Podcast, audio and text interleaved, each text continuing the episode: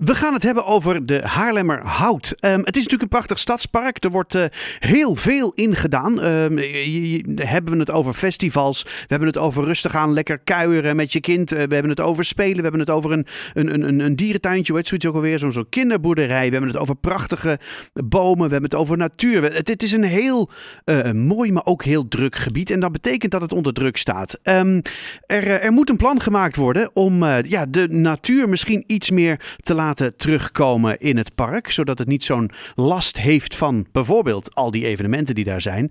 En uh, daarvoor moet een nieuw plan geschreven worden. En um, nou ja, degene die daar nou ja, ongelooflijk druk mee bezig zijn, is onder andere de directeur en adviseur van het bureau NL Adviseurs, Guido Hamelink. En die heb ik aan de telefoon. Guido, goedenavond.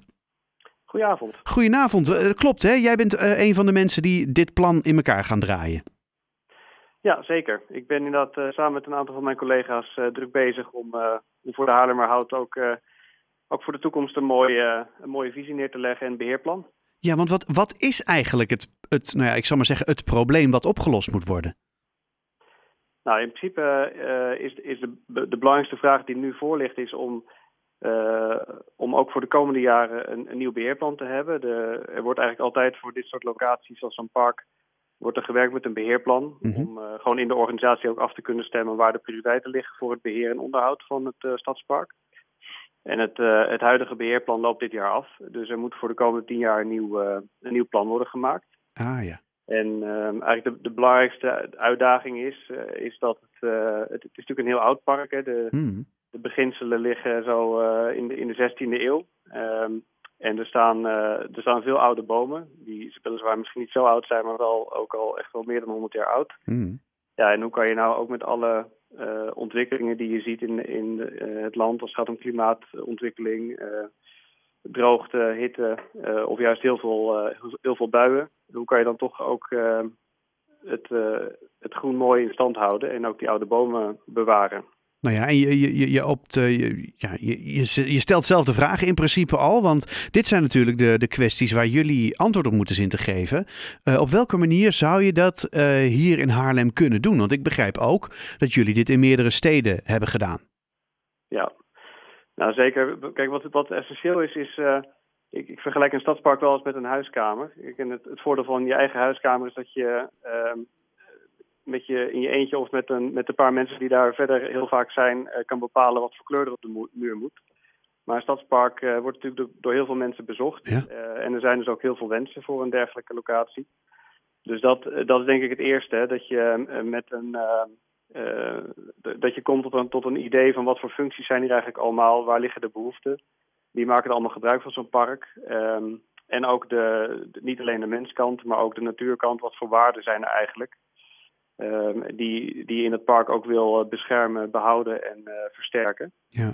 Um, dus een hele belangrijke, uh, bijvoorbeeld voor dit project, is dat we ook in uh, direct contact met een, groep bewoners de, in de adviescommissie, die in de advies, adviescommissie zitten, om met hen ook um, juist ook te komen tot, tot dit soort keuzes en het ophalen van, van de waarde eigenlijk in het park. Um, en dan is het verder um, kijken naar wat, wat, wat zien wij zeg maar, vanuit technisch oogpunt als, als uh, experts op het gebied van natuur en, uh, en, en, bomen. Mm -hmm. Wat zien wij dan zeg maar, als risico's voor de instandhouding? Ja. En, uh, dan heb je het inderdaad bijvoorbeeld over heel veel, als mensen veel op, op het Vlooienveld zijn. Hè, dat is natuurlijk een bekende locatie in de Haarlemmerhout. Mm -hmm. dat zorgt voor bodemverdichting en bodemverdichting zorgt voor een bepaalde um, ja, de, potentieel een achteruitgang van de, van de vitaliteit van, uh, van bomen. Uh, dus je moet goed kijken van wat, uh, ja, wat, wat is haalbaar hè, voor de ook instandhouding van, van de bomen.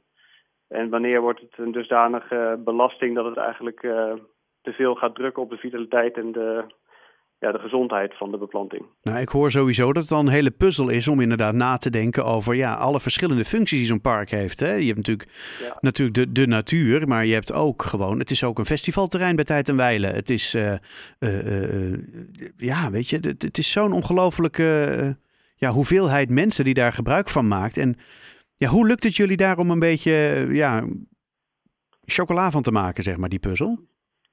Ja, dit is een hele interessante puzzel inderdaad. En, en wat vooral heel erg belangrijk is om, om vooral die waarden gewoon eens op een rijtje te zetten.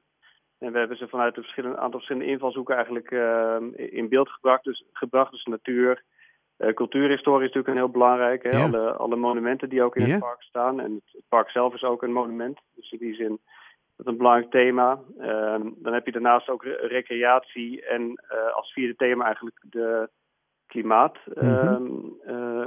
Een soort van natuurlijk kapitaal noem je dat. Dus bijvoorbeeld het feit dat er op deze plek in Haarlem zoveel uh, groen aanwezig is, zorgt voor heel veel verkoeling ook ja. in, uh, in het centrum. Ja. Dus eigenlijk al die waarden bij elkaar zetten en dan kijken van ja, waar, op welke plekken is het heel erg voor de hand liggend om bijvoorbeeld uh, cultuurhistorie voorrang te geven. Oh ja. En dan, dan kan je denken aan een, gewoon een, een locatie waar een monument staat. Um, uh, of um, op welke plekken zou het handig zijn om juist natuur uh, de voorrang te geven. Dan kan je in dit geval denken aan bijvoorbeeld uh, het Vogelbos in, um, in Eindehout. Want dat is gewoon een van de, ja, dat is eigenlijk een natuurreservaat. Ja.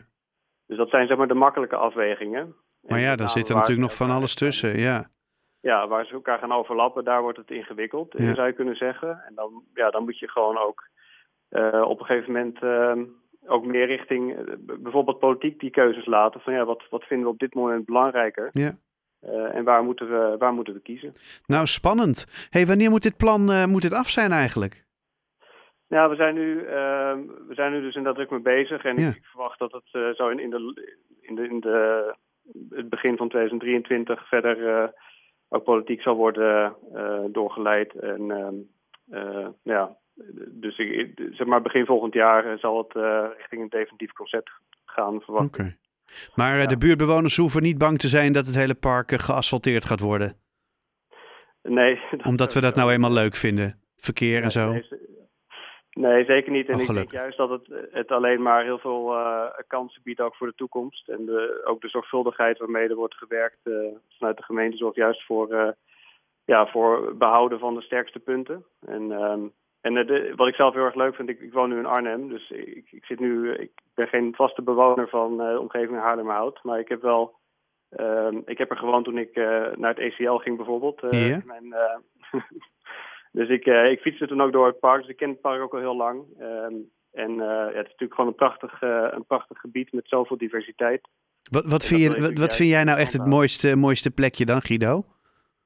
Oeh, ja, dat, dat is in zo'n...